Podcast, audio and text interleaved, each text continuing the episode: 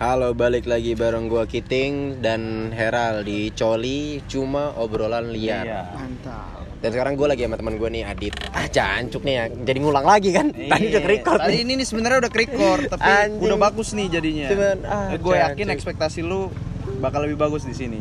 Tapi Iya. kita try try to do the best. Oke, Jadi lanjut. ini eh, ada teman gue juga Adit.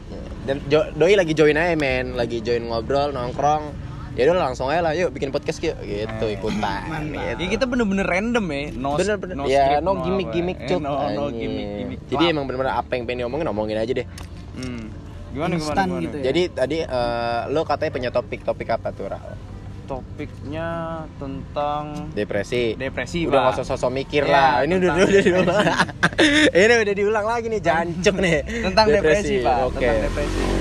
jadi gimana kayak gue ngerasa banyak yang curhat ke gua cerita ke gua Hah? tentang eh, kedepresiannya mereka eh, hal-hal yang mengganggu hidup mereka tentang kayak suara lo up dikit ya rada masalah noise gitu ya. masalah hidup dan sebagainya Hmm? terus gue minta pendapat kalian dulu depresi itu apa sih Hmm, lu dulu dulu dulu, dulu. gua menurut gua depresi itu adalah ketika uh, ada pressure dalam hidup kita dan kita nggak bisa ngelawannya gitu loh maksud gua kita nggak apa sih namanya menanggulangi ya memanage lah, memanage. Memen, ya gitulah.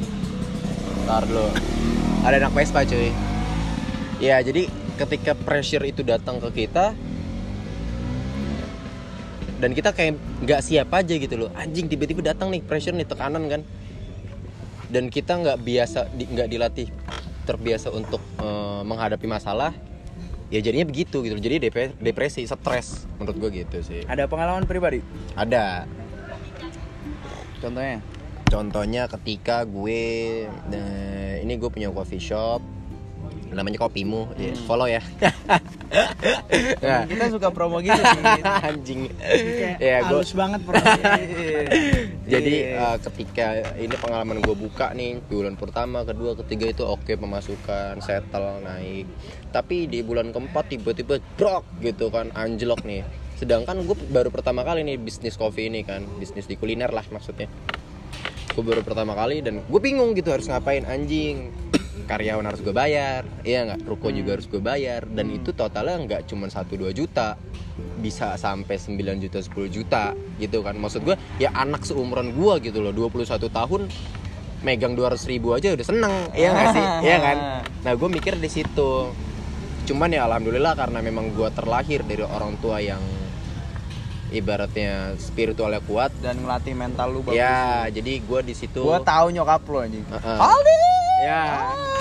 Cuman ada plusnya juga kayak ya gue disuruh sholat lah untuk jadi soalnya kan ada yang bilang juga sholat itu meditasi, kan Meditasi. untuk kita menenangkan salah satu diri ritus kan agama Islam. Iya jadi di situ gue kita nggak bisa panggil ritus ya salah satu hal yang harus wajib dilakukan oleh seorang muslim. Iya benar. Wajib banget. Kita kalau gue bilang ritus salah lagi orang Oh, iya. kan? Aneh. Rada sensitif soalnya Eh, nih kalau kita ngomongin Iya, religion. Iya.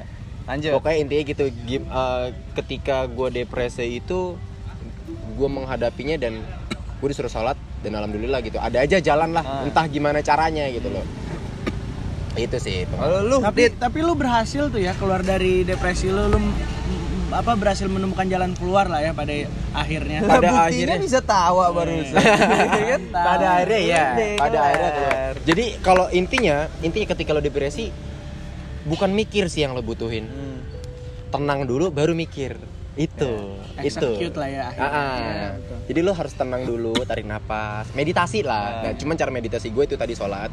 Habis itu baru mikir. Jadi pikiran tuh jadi plong cuy Hmm. ketika kita tenang ya nggak? Hmm. gitu Kalau lu Kalau gue nih, eh, menurut definisi depresi dulu menurut Iya. lu.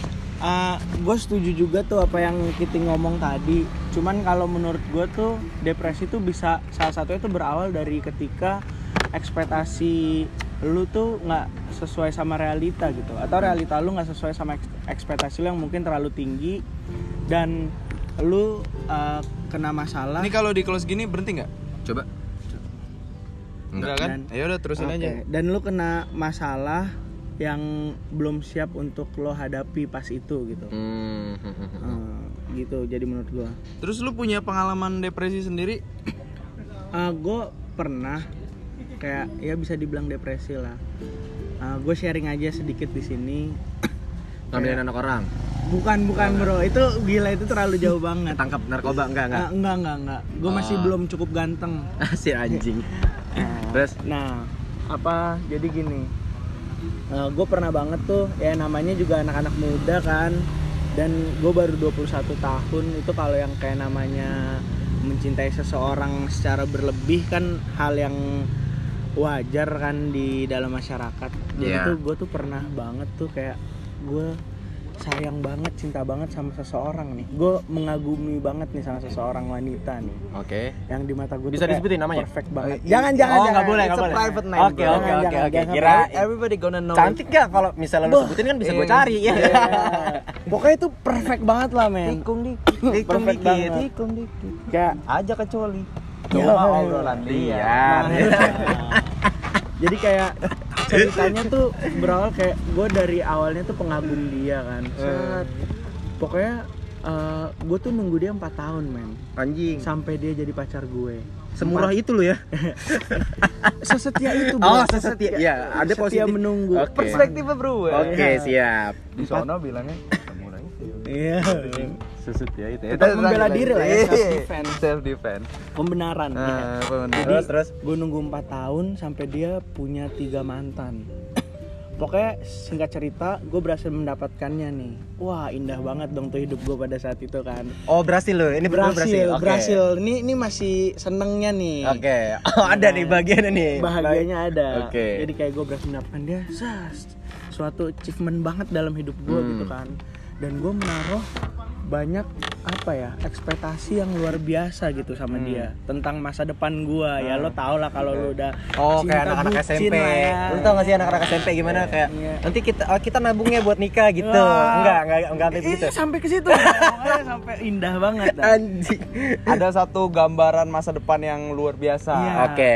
apalagi kayak keluarga udah bertemu kan sejauh itu Hmm. bro dan sama-sama diterima Total berapa tahun tuh? Gue jadiannya Heeh. Uh, jadiannya cuma lima bulan bro. 5 sampai enam bulan. Oke. Jadi gue jalanin uh, itu salah satu apa ya? Salah satu momentum lima bulan terindah dalam hidup gue.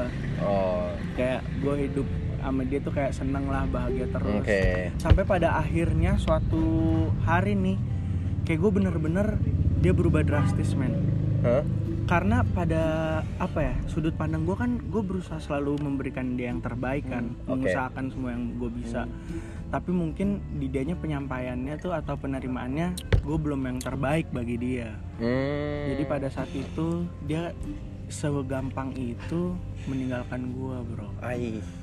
meninggalkan gue dan gak cuma sampai situ aja bro. Dia langsung dapat pengganti gue bro. Gila how desperate me kan. Ah. kacau men gila loh gua gua menutupi eh, kekandasan hubungan gua ke keluarga dan orang tua gue itu sekitar empat bulan Oh, berarti pas lu putus orang tua lu nggak tahu orang tuh. tua gua nggak tahu Tapi sebelumnya pas jadian tahu. tahu orang tua gue tuh kayak nanyain dia terus Tapi sebelumnya nih sorry gue tanya nih. Ah, Ketika lu jadian sama dia nyokap bokap support. support men Nyokap bokapnya dia juga. support abis support abis Oke. keluarganya kakaknya support abis Oke, lanjut. Ya keluarga besar gue juga seneng sama Hmm. sama dia gitu loh sama Hmm. sosok perempuan yang sempurna ini Hai, cantik. jadi gue yang di situ bro sebenarnya yang berat bagi gue kan empat bulan gue sering ditanyain dia ke mana eh kok nggak ketemu eh ajak makan yuk gini gini sampai Hmm. bude gue om tante gue nanyain kan ketika kumpul keluarga Oh, sampai. Budi Om Tante Yes. kenalnya. Yes jadi kayak gue tuh beru- selalu berusaha ngumpetin gitu gue selalu bilang kayak dia sibuk dia apa ya kan segala Hmm. macam nah ekspektasi gue kan terlalu tinggi tuh kan sama dia Hah? tapi realitanya yang terjadi dia kayak pergi ninggalin gue tuh semudah itu bro Oke, one word nih. Satu kata kalau dia dengerin lu mau bilang apa? Iya, satu kata. Misal, misal. Satu, kata. Eh, satu kata ya? Bukan nggak boleh satu kalimat ya? Oke, satu kalimat deh satu kalau. kalimat. Eh, lu Jancuk apa? Eh bukan. Oh. Eh, apa ya? Mutiara indah yang hilang dari. Eh. Oh, anjing. Boleh, boleh. Enggak, tapi gue tetap masih nilai lu semurah itu loh. Ya, ya, iyalah. orang bebas berpikir lah. Oke oke. Oke, Kidding. oke, oke, Oke gua- back to topic deh. Gua gua gua potong nih. Lu berhasil keluar. Berhasil keluar. Jadi- nggak gua mau gua gua nggak mau tahu sampai detail Ah. masalahnya yang bikin lu cabut apa dia pisah apa lu pisah apa dia cabut kenapa. Eh, tapi How lu to sempat gua sempat keluar. keluar. Udah udah keluar atau Dari depresi? udah udah coba? keluar. Jadi gue depresinya di situ bro. Gue kayak masih apa ya? Dia tuh masih jadi alasan untuk gue menjadi orang yang baik gitu. Masih Hmm, jadi alasan oke. gue menjalani hidup sambil gue nutupin dari kanan kiri semua. Di situ gue kayak akhirnya semua beban tuh gue tanggung sendiri kan. Gue bohong ke mana-mana. Ah, hayalan gue masih indah tentang dia. Di situ gue kayak di situ gue Dan lu nggak mau cerita ke orang gitu, jadi makanya lu pendem ya. Yes, di situ gua Di situlah tumbuh eh, timbul depresi. depresi bro gue kayak Hmm. kacau kayak pertama gue pelarian ya gue ke ya keluarga gue juga punya uh, background spiritual yang ya alhamdulillah lah baik gitu Oh, lu disuruh sholat juga tuh? Enggak. Uh, enggak gue uh, menyuruh diri gue sendiri Oke. mendekatkan kepada Tuhan gue udah udah tenang udah tenang tapi ya akhirnya balik lagi tuh bro sempat keinget lagi terus akhirnya gue uh, ngambil cara bad ways lah bisa dibilang kayak kenakalan remaja-remaja sekarang lah lu Dugem, dugem, mabok, oke. minum set Tahun berapa nih? Tahun lah ya. berapa tuh? Ah, itu baru kemarin bro Oh. baru baru semester kemarin lah Oke. Ya gue berhasil bro berhasil lupa lupa tentang dia berhasil ketika gue di situ tapi nggak lama balik gue kayak mabok atau dugem gue sendiri lagi gue capek gue stres lagi depresi lagi Hmm. Akhirnya besok ketika lu mau depresi lagi lu kepikiran untuk pergi dugem lagi. nah gue masih gue Oh. sempat berkutat di Trigger, circle Pak. itu aja Bad tuh ways bener Bad sih. ways. Bad ways. tapi pada akhirnya tuh uh, pelan-pelan lah ya gue kayak sebenarnya dia ini memberikan pelajaran yang amat sangat indah buat gue gitu loh Karena karena kalau gue jadi bisa menemukan kalau ya sebelum lo pikirin tentang orang lain lu tuh harus bisa gimana cara lu mencintai dan peduli sama diri lu Ah, sendiri itu dulu. berarti jalan lu untuk keluar dari Exactly, Pak. depresi. Yes. Oke. Gue Nih, Pak ya. pelan-pelan kayak gue mikir ngapain sih gue kayak gini terus. Hmm. Toh dia juga udah sama hidupnya gitu loh. Oke. Dia mungkin sudah bahagia sama hidupnya sekarang. Gue harus bisa juga life must go on gitu loh. Hmm, Gue masih punya orang tua yang harus gue banggain. Gue masih Benar, punya keluarga. Ya kan akhirnya gue pelan-pelan pelan-pelan ya alhamdulillah bro akhirnya itu uh, waktu lah time healing lah. Oke, time healing. Informasi kalau di perhimpunan dokter kesehatan kejiwaan Hmm. di Indonesia ini datanya ada sekitar 3,7 persen dari 250 juta sekian penduduk kita. Oke. Jadi sekitar 9 juta orang mengalami hal yang sama nih kayak barusan lu barusan lu cerita. Dan banyak, WHO World Health Organization itu bilang dari dua dari 2005 sampai sekarang naik 18 persen pak. Jadi Wait. makin ke sini Makin banyak orang yang makin depresi. banyak ngalamin kayak gitu. Jadi untuk yang kuliah-kuliah psikologi, kuliah-kuliah Hukum. kejiwaan, Tolonglah Oh, sharing-sharing. Hukum soalnya spe- semester 1 ada pelajaran. Oh ada. Iya, gitu. Anak Nyangkut- hukum ya? Nyangkut dikit. Nyangkut ya? dikit. Oh, Walaupun iya. gue kuliah sampai semester 1 doang. So- sorry nih gue potong nih. Eh, sebelum kita lanjut, kayak gimana nih Ral Eh, tentang apa sih menurut lu depresi, Depresi itu apa ya. sih? Menurut gua eh, depresi itu Oh lu kepo ya men- depresi menurut Heral nih? Iya. Oke, de- coba. depresi itu ketika lu pakai sepatu orang, lu membayangkan untuk memakai memakai sepatu orang. Maksudnya? Nggak nangkep nih gue. Nggak nangkep ya? Gimana tuh gimana? Ada dua hal antara simpati dan empati. Heeh. Empati itu ketika lu membayangkan lu punya sepatu orang, punya doang. Hmm. ah kalau gue punya ini bagus sekali ya tapi ketika lu membayangkan lu pakai sepatu orang artinya rasa orang lu coba perasain di, di Iya. diri lu Iya. Yep. and when it's too deep di situlah muncul depresi Hmm. Analoginya canggih juga sih anjing. Ah, iya nggak sih Iya, Jadi, iya. bisa. empati itu baik tapi Oke. ketika lu menggunakan simpati terlalu dalam muncullah depresi itu Dan itu nggak baik buat diri Nah, itu sendiri. nggak baik pak dan Nah, satu tapi hal lu pernah tuh ngalamin tuh depresi pernah tuh? pernah pernah pernah banget Gimana pernah tuh? banget. Gimana soal tuh? soal Bisa masa depan di-sharing Bi. dikit lah. si biasanya soal masa depan Gimana? gue kadang-kadang suka bingung karena ya gue kan tipe orang yang suka belajar ini belajar ini belajar ini belajar ini Tapi nggak ditekunin. nggak di bu- bukan nggak diikutin gue bingung akhirnya, akhirnya bingung mau milih yang mana Hmm. Nggak fokus lah ya Nggak pada fokus, nggak satu fokus, poin nggak gitu. fokus nah yang mau gue jadi jadikan eh, masalah sekarang adalah banyak orang-orang di luar sana yang sebenarnya gue gue ngerasa mereka nggak depresi. Tapi mereka act as if they are get depressed. I- it dramatic people. Drama atau dramatic people. bisa juga mungkin sedang cari perhatian sama orang kali ya? Bisa jadi. bisa jadi. Eh, itu namanya self center drama Turki. Bukan dramaturgi Beda lagi. beda lagi dramaturgi is about politics this is about psych psychology dramaturgi kan bagaimana lu mempengaruhi orang lain kan Yep. Ya. ya kan kalau ini kan soal bagaimana lu mau disayang sama orang being dramatic is the way to get uh, apa attention from other people Oke. untuk untuk dapat eh, atensi dari orang Ini nyambung sama orang kita yang kemarin gak sih soal reward addiction? reward addiction bisa masuk Bisa masuk. self center pokoknya orang-orang yang kayak gitu yang gue nggak gue gue mengatakan bahwa penyak apa gangguan ya. Kita nggak bisa sebut penyakit karena depresi itu salah satu gangguan yang sifatnya psikis. Gangguan depresi ini itu beneran ada. Dan bisa bisa didiagnosis dan bisa bisa dijabarkan uh, indikatornya. Oh, ada alatnya. sehingga enggak, enggak Ta- ada tes psikologinya. Oh, ada tes psikologinya ada tes psikologi tapi ada orang yang dramatik. Mencoba mencari perhatian dari orang lain dengan menjembatani depresi sebagai Contoh. caranya. Contoh, contoh, contoh. itu kayaknya banyak terjadi di banyak kan? Coba contohnya, Ba- kasih gua banyak satu contoh deh. contoh. Ini orang nggak punya temen nih. Hah? they don't know how to find happiness. Bingung tuh kalau nggak ada temen. Cara happynya gimana ya? Ah gue palsuin lah. Gue depresi orang tua gue ini.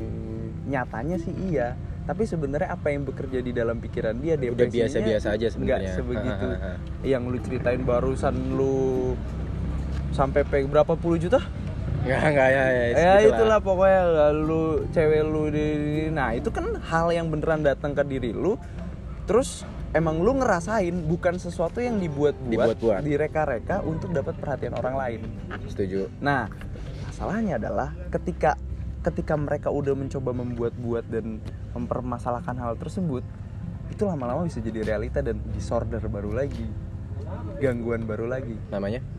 namanya Nggak tahu lu? nggak tahu Oke. itu kayak mental masuknya kayak ke mental Oh, berarti- disorder gitu gak sih Kayak terjerumus apa sama eh, sama apa yang dia mainkan. Iya, terjerumus apa yang Jadi, dimainkan. ya, oh gue nangkep nih. Jadi uh, awalnya dia kayak pura-pura pura-pura sedih Mhm. biar Jadi cari perhatian sama gitu orang. ya. Iya. Eh nggak tahu terjerumus, terjerumus nih. Blunder lah ya blunder, Blunder. sama pemikirannya sendiri Oke Iya. oke oke. apa ya namanya? Bentar, bentar, bentar. Gue gue gue coba coba inget inget inget namanya. Hmm, Itulah pokoknya. Iya, dramatic people. Dramatic people. Iya, dramatic people terus ya pokoknya dramatic people. Kenapa? Kenapa? Intinya gini lah. Intinya gini. Kenapa mereka bisa terjerumus terus mereka nggak bisa keluar dari hal itu? Menurut lo kenapa?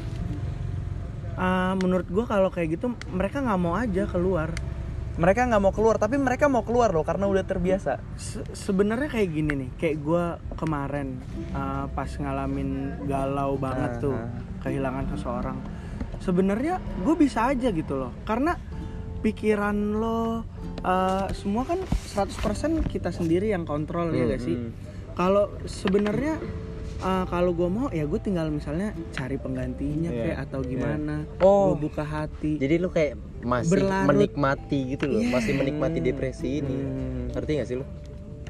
bisa jadi bisa jadi karena Kayak contoh gini, sorry gue kita potong nih. udah taruh, karena pikiran kita udah beradaptasi dengan itu dan nyaman Kalau gue mikirnya and gini, lu, because we get used to it lu pernah nggak sih waktu kecil lu nangis? Lu nangis supaya orang tua lu nimang-nimang lu gitu loh. Ah. Tapi lu nangis dari awal lo, Ah. lu lu pasti pernah kan nangis, tapi udah nggak pengen nangis lagi nih. Ah. Cuma lu mikir Iya. anjing kalau gue nggak nangis lagi, mak gue nggak nimang-nimang nih. Yes. Ngerti gak sih lu? Jadi Ah. makanya gue paksa terus nangis, nangis, nangis sampai akhirnya emak gue nimang-nimang maksud gue gitu. loh. Jadi eh, kenapa orang itu bisa terjerumus? Karena faktor ya itu tadi yang lu bilang keterbiasaan mungkin. Iya. udah terbiasa berlarut dalam kesedihan lah ya Iya. iya makanya ketika didik anak kan bagusnya kecil ada dikerasin sedikit kan bolehlah dika- ada saatnya dikasih reward ada saatnya dikasih punishment Ya sebenarnya nggak tahu sih ya. Cuman eh, kemarin kan gue memang sempet mau melihara anjing kan Hmm. Dan gue ngeliat gitu cara orang-orang ngelatih anjing tuh emang keras. Dan gue sempet berpikiran ngelatih anak pakai sistem cara pelatihan anjing kayaknya bagus. Bukannya gue bilang manusia kayak anjing enggak. Cuman lu lu lu nonton deh video-video orang-orang latih anjing itu tegas banget men. Dan akhirnya anjingnya jadi pinter. Iya gak sih? Maksud gue harusnya gitulah cara Tapi attitude anak. anjing juga beda-beda. Ada yang attitude-nya bagus dari lahir, ada yang jelek. Yang jelek akan dilatih terus-terusan sampai mampus jadinya cuma nggak akan sebagus tapi kan yang tapi kan kita nggak bisa tahu dong ini anjing bagus apa jelek nggak bisa tahu iya. sama kayak anak kan anak ini an- anak bakal pinter apa Iya, enggak nih iya. berarti kan ibaratnya si orang tua itu ya memang Hmm. harus ya lo didik aja terus gitu loh ketika memang peluangnya ketemu kan bakal jadi gitu loh Hmm. Jadi prinsipnya itu eh, sama-sama mirip kayak buat pedang ya. Kayak Gimana? pedang itu kan tajam nih pada akhirnya. Misalnya pedang itu tajam kan karena dia ditempa, Hmm. dipukul lagi, ditempa lagi, terus dia dicelupin ke air lagi, dimasukin, dipanasin lagi, ditempa, Ditempa lagi, lagi. ditempa, Iya. sampai akhirnya itu jadi pedang yang tajam dan pedang yang berkualitas gitu ya Hmm. sebenarnya. ya Tempaan bisa lah ya. tempaan Terus apa tadi? Gue Oh ya lu belum cerita tentang depresi lu nih. Eh depresi itu gue itu Maksudnya sih pengalaman lu, pengalaman lu lu belum ceritain tadi. Tentang Iya. masa depan gimana tuh? tentang masa depan. Misalkan gue bikin project, Ya terus nggak jalan-jalan. Gue bikin project ditolak. Gue bikin project ini sampai gue di kamar kadang-kadang susah tidur mikirin gimana nih harus gimana cara project ini jalan Gimana caranya project ini jalan? Gue harus puter otak lagi, puter otak lagi. Gue ketemu satu orang, dua orang, tiga orang. Alhamdulillah ketemu nih orang nih si bangsat nih. Kita bisa bikin satu Kegiatan karya lah. kegiatan yang bisa ngobrol sama orang lain. Walaupun sebenarnya gue juga ada kegiatan sekarang lagi urus teater, lagi kuliah dan sebagainya untuk ke ke depannya. Gitu pak. sebenarnya gue bikin podcast ini juga untuk bertujuan kayak orang yang mau cerita ya cerita aja gitu Mm-mm. ya Mm-mm. entah Mm-mm. siapa yang denger ya bodo amat gitu seenggaknya gue udah ya adalah gue udah cerita nih sama siapa pun lo Iya, gitu seenggaknya- menurut gue kegunaan podcast tuh di situ cuy lebih lega lah ya. Ya. Itu sebenarnya Karena kuncinya. kayak kalau dicerita gue kan gue terus mendem terus mendem tuh jadi penyakit buat diri gue sendiri. Itu bray, gitu. kuncinya depresi itu itu apa cerita Speak up lah ya. yang penting lu jangan sama wrong people oke find find the correct people find orang-orang yang you can put your trust sama mereka terus ngobrol. Kayak gini nih kan? Hmm. pulang nih pulang nih. Uh, lega banget. Gini men berarti kesimpulannya. Cerita itu punya ma- macam-macam bentuk. Cerita itu punya seninya. Hmm. oke. Dari hasil eh, cerita-cerita gua Adit sama lu seni gua untuk bercerita ya tadi sholat. Hmm, misal. Hmm, hmm, Iya nggak? Hmm. lega. Seninya Adit untuk bercerita misalnya dugem misalnya. Hmm. menurut gua dugem itu bukan melampiaskan tapi bercerita gitu loh menurut gua. Cara pikirnya sama berarti sama kayak gue kalau di psikologi namanya katarsis pak. Katarsis. Katarsis. Hah. lu butuh sesuatu hal untuk lompat dari problem lu. Oke. Biasanya orang-orang yang sorry ya bego itu ngelampiasinnya ke orang yang lebih lemah. Contoh? Contoh. Atau manusia yang lebih lemah. Kayak menindas Ah, ah, gitu. bentar Eh, ke hewan yang lebih lemah seperti menindas. Contoh nih ya misalkan ada si A dimarahin sama bos terus terus terus terus terus terus terus terus dia bingung mau lampiasin mana orang tua nggak mungkin orang nggak mungkin lampiasin deh ke kucingnya. Tendang tendang makanya makanya kalau lu eh, lihat orang-orang yang keras sama ku sama hewan-hewan sama kucing itu biasanya mereka melampiaskan itu karena tindasan-tindasan dari atas dan gak heran anak-anak yang kalau kecilnya sering dibully itu begitu gede Jadi kalau pembuli ngomong gitu. ya. teriak-teriak kalau ngomong apa gitu tapi lo tau gak sih gue pernah denger bahwa kesurupan itu bukan kemasukan setan men kesurupan itu disebabkan karena depresi itu kita bahas di podcast berikutnya sabi Oh. gak sabi gak sabi. Sabi gak ada Oke. ada satu topik tentang kesurupan lagi. Oke berarti ini kita bahas depresi dulu ba- bahas next spot uh, next episode next, next episode kita bahas kesurupan. Oke. Hmm. Lu Dan- tahu, lu lu tahu risetnya? Paham, paham gue risetnya. Paham, nggak usah di searching, nggak usah apa, kita langsung buat. Dan pasti kalian semua yang dengerin podcast ini punya cerita kalian masing-masing Eh, lah iya, ya. iya. Dan Iya. ya Oh, jangan- berarti kita di sini untuk Oh iya, eh, tadi kan gue belum cerita tentang si katarsis gue yang Oh, gue. Oh, iya, sorry sorry kepotong kan si, jadinya. si katarsis gue ini kalau lu kan pergi ke dugem dan dan ke tempat-tempat gitu. Iya, Oke. mencari pengalaman Iya. lah ya. Gue Hmm. pergi cuma kan gym dulu. Sekarang gue bingung mau pergi ke mana, udah nggak cukup waktunya. Ya mudah-mudahan setelah ya, sehat project ini selesai, itu tuh kalau lu lihat otot gue lagi gede, makin ditempa sama orang, makin berat angkatan gue di sini. ya gitulah pokoknya. Oh, berarti enggak intinya kalian yang lagi Gua depresi nih. Coba cari jembatan. Ya, Ini gitu. maksud gua di sini kita ngasih tahu cara untuk menghilangkan depresi aja sih sebenarnya. Jadi itu tadi ketemu namanya apa? Katarsis. Katarsis. Dalam bahasa psikologi Iya, itu iya. katarsis yang artinya kita melompat dari suatu masalah. Iya. Kita bukan melompat- lari ya. Ya, Ngelompat. melompat. Oke. Ngeluarin ngeluarin psikis tekanan yang ditekan sama problem lain. Oke, Dan berarti- setiap orang punya jalan keluarnya masing-masing Iya, gitu ya. Dan itu terserah lu. Jadi Sampai intinya- lu lupa ketika lu terus ngelakuin itu. Ah udah biasa. Lariin ke Berarti kasarnya lo harus cerita Iya, gitu. iya. entah ke siapa pun Iya. itu asal jangan ke wrong people orang people. orang-orang yang Ada toksikan orang-orang yang Iya, punya yang- mulut sana ngomong sana ya ngomong. muka dua lah Iya. Ya. oh, lu wah jangan begini lu bego lo gitu Ah. jangan lah wah gila sih seru juga nih obrolan Sabi, ya. sabi Cut dulu kali ya. oke Iya. berarti tinggal tunggu aja besok nextnya Ke kesurupan Kesurupan.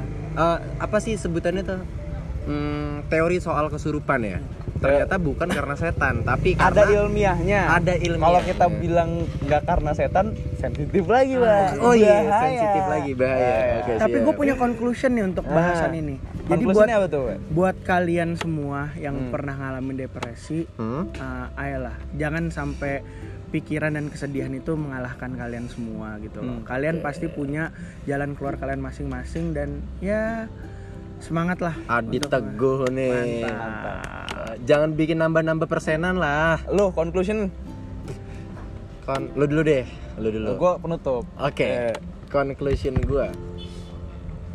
Eh, setiap manusia itu pasti ngalamin yang namanya depresi gitu. Jadi lo nggak pernah nggak nggak usah pernah takut ketika depresi itu datang. Kalau lo ingat lagunya Badai Pasti Berlalu, hmm. ya itu real man tapi setelah Hmm. memakan banyak korban sih memang jadi intinya gini loh kayak gue ngambil contoh dari bisnis setiap bisnis itu pas bisnis nggak jauh-jauh dari yang namanya kerugian Hmm. iya nggak bisnis nggak jauh-jauh dari yang namanya kerugian dan pasti setelah rugi itu ada sukses Hmm. ya berarti gitu aja ketika lo dapet tekanan eh, kalau lo tenang cara pola pikir lo kalau lo bisa ngan, eh, menghandle itu semua lo bakal dapet lo bakal bisa keluar dari depression itu Ada pelangi lah ya abis Ya, kalau kalau kata surat Al-Insyirah fa innamal usri yusra Ais, gitu. keren. Arti artinya apa tuh? Sesungguhnya setelah kesulitan pasti ada kemudahan. Ah, gitu. itu. Gue konklusi nih. Dari 3,7 persen dari 18 dari 3,7 persen masyarakat Indonesia sekarang dan dari data 5 per, eh, 18 persen 18 per, 18 persen Per 2005 sampai sekarang 2019 kalian itu masalah yang kalian besar kalian itu aja kecil di semesta itu hmm. ada jutaan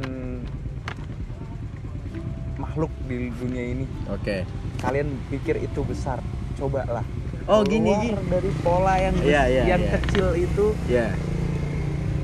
Gini men, besar itu lu ketika jalan diketawain sama orang bete Ah. nggak?